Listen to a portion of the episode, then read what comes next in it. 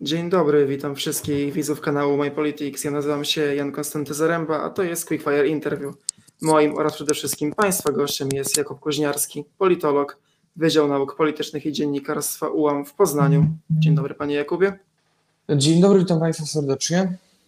Zanim zaczniemy, chciałem tylko przeprosić za lekkie opóźnienie, które mieliśmy przez problemy techniczne, ale już wszystko jest w porządku. Przechodzimy do pytań. Na początku standardowo, jak w formule, kilka pytań, krótkich odpowiedź tak, nie, nie wiem, a raczej tak, raczej nie. I kilka pytań długich, odpowiedź w, podczas jednej minuty, mam nadzieję. Dobrze, a więc pytania krótkie. Panie Jakubie, czy powinniśmy zliberalizować prawa aborcyjne? Oczywiście, że tak. Czy opozycja powinna pójść w jednym bloku do następnych wyborów parlamentarnych? Yy, czy w jednym, nie jestem pewien, ale zjednoczona na pewno. Dobrze. Czy gdyby PiS zaproponował skrócenie kadencji Sejmu, to czy opozycja powinna zagłosować za skróceniem kadencji? Yy, nie widzę powodu, żeby skrócenie kadencji miało nastąpić. Czy budowa muru na granicy polsko-białoruskiej jest dobrą decyzją? Nie fatalną. Czy powinniśmy przyjąć uchodźców, którzy aktualnie znajdują się na tej granicy? E, powinniśmy na pewno udzielić im pomocy humanitarnej, przeprowadzić proces e, zgodnie z prawem o ubieganie się o status uchodźcy, rozważyć każdy przypadek indywidualnie i podjąć decyzję. Dobrze. Polska podjęła deklarację, aby odejść. E, pomyliłem jedno pytanie, jeszcze raz. Czy Białoruś powinna zostać obłożona sankcjami przez państwa unijne za działania podejmowane przez nią na granicy polsko-białoruskiej? E, powinno się odbyć e, szerokie, szeroka dyskusja w Parlamencie Europejskim na gruncie e, z udziałem przywódców państw europejskich. Decyzja powinna zostać wypracowana wspólnie, natomiast uważam, że tak, jeżeli jesteśmy w stanie potwierdzić, że Białoruś sprowadza uchodźców, powinny zostać wyciągnięte sankcje wobec tego kraju. Dobrze. Polska podjęła deklarację odejścia od węgla do 2049 roku. Czy, OP, czy ocenia Pan ową deklarację pozytywnie? Uważam, że to jest zbyt długi okres czasu. Transformacja energetyczna powinna odbyć się zdecydowanie szybciej. E, powinniśmy skończyć wieczną kłótnię, która przepraszam, nie wieczną kłótnię, e, kłótnię, która trwa od 6 lat z, mm, ze strukturami unijnymi, wykorzystać środki, które są na transformację energetyczną Między innymi te środki będą wykorzystywane w Wielkopolsce e, i zdecydowanie przyspieszyć. No dobrze. Czy rządzący robią wystarczająco, żeby walczyć z rosnącą w Polsce inflacją? Rządzący nie robią nic, e, w mojej ocenie przepychają się w jakich prerogatywach, w czyich prerogatywach jest walka z inflacją, e, natomiast nie widzę żadnych realnych działań dla Polaków że ostatnie z pytań krótkich. Czy powrót Donalda Tuska finalnie przyniesie opozycji zwycięstwo w następnych wyborach parlamentarnych? Przekonam się za dwa lata. Dobrze, teraz przechodzimy do pytań długich. E, odpowiedź dłuższa, około minuty. Mówiliśmy o prawie aborcyjnym. Jak według Pana powinno wyglądać e, prawo aborcyjne, prawo do aborcji w państwie polskim? E, w prawie polskim mieliśmy dotychczas do wyroku zeszłorocznego trzy przesłanki, czy tak zwany kompromis e, aborcyjny, który funkcjonował w Polsce ponad 20 lat.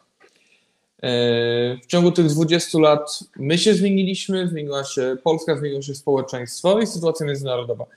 Ja osobiście twierdzę, że powinniśmy iść w stronę liberalizacji prawa aborcyjnego na wzór tej obowiązującej chociażby w Niemczech, kiedy aborcja jest legalna do 12 tygodnia ciąży natomiast jest obwarunkowana y, opieką specjalistyczną przed podjęciem decyzji, czyli spotkaniem z psychologiem, y, z udzieleniem wsparcia matce, czy jest to aborcja robiona tylko ze względu na przesłanki na przykład ekonomiczne czy społeczne, bo nie chciałbym, żeby w Polsce, jeżeli było, byłaby szansa i grunt polityczny pod liberalizację prawa aborcyjnego, Mam nadzieję, że będzie taki, e, takie podłoże co parę lat, e, bardziej szybciej niż później.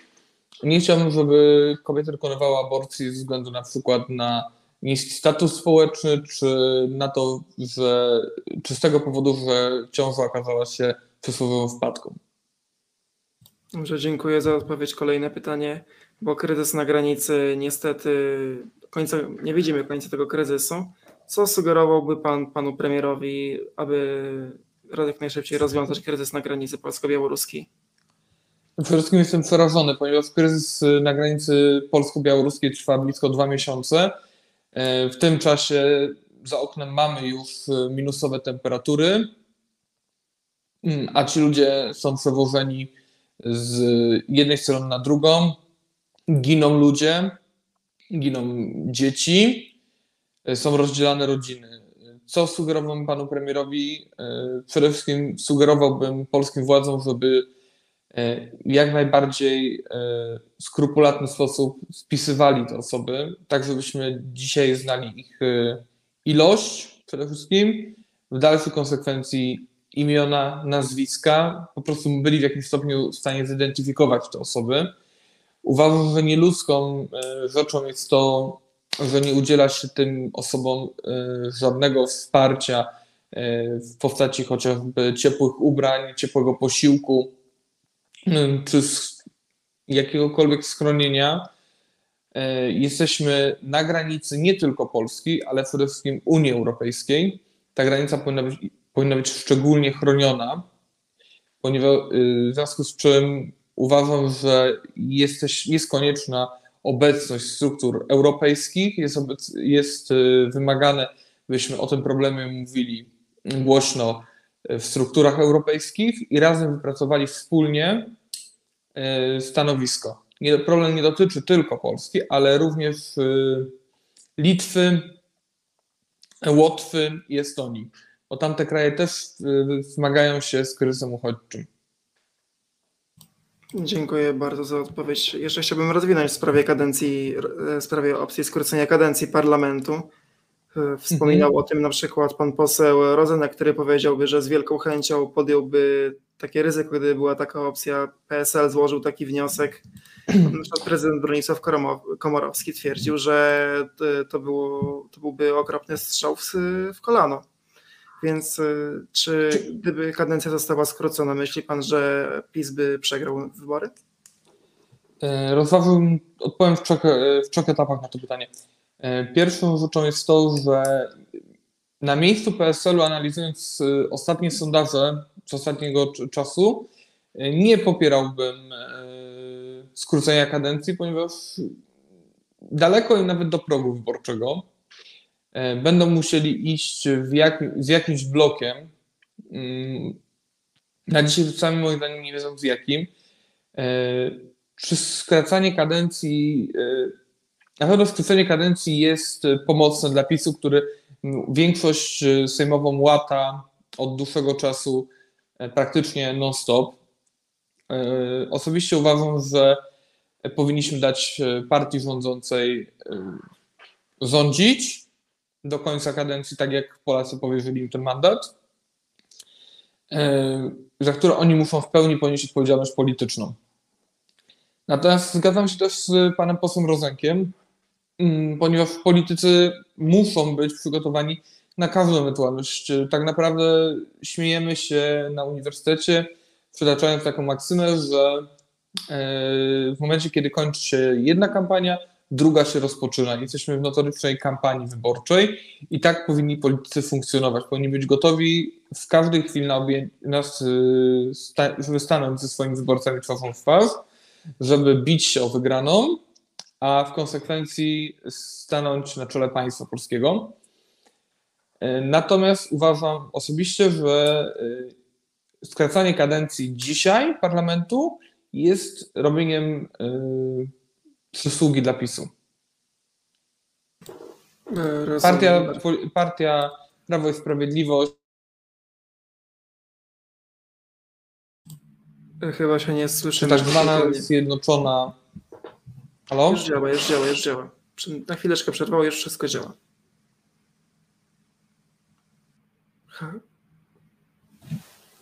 Szanowni Państwo, pana, doktor, pana politologa na razie nie ma, to ja na chwilę włączę kamerkę. Nie wiem, co się stało. Jeżeli go nie będzie przez najbliższe minuty, no to będę zmuszony zakończyć transmisję.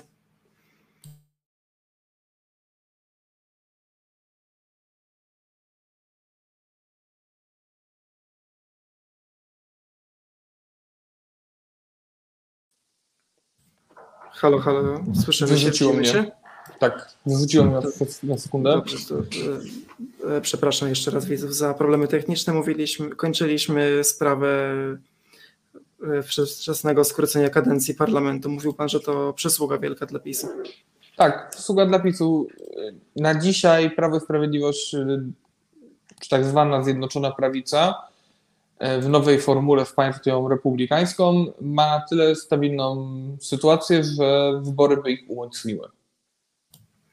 Dziękuję bardzo. Wspomnieliśmy o tych blokach. Właśnie też e, jeszcze można wrócić na chwilę do PSL-u. Pan e, przewodniczący Kosimiak-Kamysz e, mówił, że jeden, jeden duży blok opozycyjny jest szaleństwem, bo nie wyobraża sobie, żeby jego tradycjonalistyczny wyborca zagłosowałby na listę, na której są osoby lewicowo-liberalne, jak pani posłanka Jahira. Więc pytanie, czy wersja dwóch bloków, jednego centroprawicowego, chadeckiego oraz lewicowo-liberalnego nie byłaby lepsza? Hmm. Powiem tak. E, nie wiem, czy na pewno wyborcy w Polsce stali się bardzo świadomi. Polaryzacja, która nastąpiła po 2015 roku, mm, sprawiła, że ludzie nie tylko, e, nie tylko ci, którzy zawsze interesowali się polityką, ale też młodzież, przede wszystkim o młodzież e, się rozchodzi, bo zawsze e, było, mówiło się tak potocznie, że młodzi ludzie to są korwiniści. Dzisiaj widzimy na ulicach Warszawy, właśnie w tej chwili, kiedy idzie marsz pamięci dla Izy, która zmarła w Szczynie. W ostatnich dniach żyjemy tą sprawą pokazuje, że młodzi ludzie interesują się polityką. Sądzę, że osoby, które idą na, pójdą na wybory, będą na tyle zorientowane, że będą potrafiły rozpoznać na liście kandydatów e, kandydata PSL-u, kandydata Lewicy czy kandydata Koalicji Obywatelskiej lub Polski 2050. E, to już nie jest tylko patrzenie po nagłówku listy wyborczej, ale patrzenie y, Wyborca również zwraca uwagę na imię i nazwisko. Wyborcy są świadomi, e, pokazują nam to też analizy wyborów z 2019 roku, więc nie zgadzam się z przewodniczącym Gosiniakiem Kamyszem. Natomiast czy powinna być to formuła dwóch czy trzech bloków, E, tutaj jestem, nie jestem w stanie powiedzieć jedno, jednoznacznie, czy opowiadam się za dwoma czy trzema blokami. Na pewno opozycja, nie, idąc do wyborów e, parlamentarnych, nie powinna siebie atakować, e, powinna wskazywać na różnice, wskazywać na mm, łączące wartości, ponieważ, ponieważ po wyborach trzeba pokazać Polakom, kto będzie rządził. Jeżeli chcemy, żeby rządził dalej PiS, ok, Czyli nie jesteśmy w stanie iść do wyborów. Jeżeli chcemy pokazać Polakom zmianę, powinniśmy już w trakcie kampanii wyborczej o nim mówić. Powinniśmy mówić o Polsce po wyborach. Właśnie, dziękuję bardzo za odpowiedź na początku. A właśnie jeżeli chodzi o kampanię wyborczą, co powinniśmy y, najbardziej akcentować w tej, powiedzmy, popisowskiej Polsce? Że mówimy tutaj oczywiście o opozycjonistach. Co, y, bo planem jest oczywiście, żeby wyrwać PiSowi wyborców, tak? W popisowskiej Polsce powinniśmy przede wszystkim mówić o powrocie do wartości. Do wartości y, europejskich, do wartości cywilizacyjnych. Wartością cywilizacyjną jest na pewno powrót do praworządności, powrót do humanitarnego traktowania kobiet, Mm, ponieważ gdy czytam wypowiedzi, gdy czytam na przykład komentarz e, Marka Suskiego, który mówi, że e, śmierć jest naturalna mm, i wiąże się z byciem w ciąży, e, to jest mi po prostu niedobrze. Powinniśmy mówić o powrocie do wartości demokratycznych, takich jak praworządność, takich jak powrót do wspólnoty europejskiej w pełnym tego stopnia wymiarze moi rodzice, moi dziadkowie mm, są z, przede wszystkim rodzice, są z pokolenia transformacji. E, oni najlepiej wiedzą i wspominają, jak wyglądały lata 90., jak wielką euforią było wstąpienie do Unii Europejskiej, wcześniej do NATO, jakim wielkim jest to dorobkiem cywilizacyjnym dla Polski. Dzisiaj jesteśmy na marginesie Europy, na marginesie demokratycznego, demokratycznych państw. Spadamy w wszelkich rankingach y, światowych, y, czy wolności prasy, czy rankingach ekonomicznych. Jest to zatrważające i musimy wrócić wspólnie na, tą, na, europejski, na europejską drogę, na drogę integracji europejskiej. I to są wartości, które nas łączą. Na pewno dzielą nas kwestie społeczne, dzieli nas kwestia rozdawnictwa środków publicznych, ale nie może też polityka społeczna opierać się na tym, że na każdą tragedię, na każde niepowodzenie rozdajemy bony, rozdajemy świadczenia socjalne, bo wyjdzie tak naprawdę, że pomoc społeczna trafia do każdej osoby i na próżni płacimy podatki. Tańszym rozwiązaniem będzie e, obniżka tych podatków i zrezygnowanie z części zadań państwa, obligatoryjnych fakultatywnych, na poczet po prostu likwidacji niektórych instytucji. To są wartości, które akurat będą nas dzielić i muszą dzielić y, poszczególne środowiska polityczne. Dziękuję bardzo. Jeszcze ostatnie pytanie, no może powiedzmy ostatnie pytanie propos opozycji. E, który opozycjonista najbardziej jej szkodzi swoim, no można powiedzieć, PR-em negatywnym? Jedna osoba albo jedno ugrupowanie, jak pan woli? Powiem szczerze, nie można tego tak jednoznacznie powiedzieć, natomiast y, pewnym stopniu zawiłości, które dzieją się obecnie w nowej lewicy, w dawnym SLD i wiośnie, moim zdaniem wpływają bardzo negatywnie na y, całokształt opozycji. Dziękuję bardzo za odpowiedź. E, panie Jakubie, zajmuje się Pan marketingiem. Z jakim posłem czy ugrupowaniem pracowało się Panu najlepiej i dlaczego? E, z każdym parlamentarzystą współpracowało mi się dobrze i z każdym parlamentarzystą odnosiłem jakieś sukcesy, większe lub mniejsze. Było to fajnym doświadczeniem. Nie chciałbym tutaj skupiać się właśnie na tych osobach. Mam nadzieję, że oni również dobrze wspominają współpracę ze mną. Dobrze, w takim przypadku pytanie, z którym y, współpracowało się parlamentarzystą najgorzej, zostanie pominięte i przechodzimy do ostatniego pytania. Znaczy, od, na to mogę powiedzieć, nie współpracowałbym y, z żadnym parlamentarzystą, z którym nie czułbym y, jakiegokolwiek, jakiejkolwiek zgodności poglądów. Okay, Bo najgorsze co jest, to jest oszukiwanie samego siebie, ludzi, społeczeństwa, czy też po prostu brak komfortu przed samym sobą. Dziękuję bardzo za odpowiedź. I ostatnie pytanie. Jaki był najlepszy premier Polski pod względem prezentowania się, pod względem tego szeroko rozumianego PR-u? I dlaczego? Hmm. Wydaje mi się, że był to Donald Tusk, ponieważ on miał największą szansę, yy, miał kilka takich czynników, momentów, które pozwalały mu E, zaistnieć PR-owo. Przypominam, że w latach 2007-2014, kiedy Donald Tusk był premierem, miał możliwość negocjowania e, budżetu unijnego, przechodził przez kryzys, ogólnoświatowy kryzys ekonomiczny. Było kilka takich czynników, które pozwalały mu zaistnieć marketingowo, politycznie.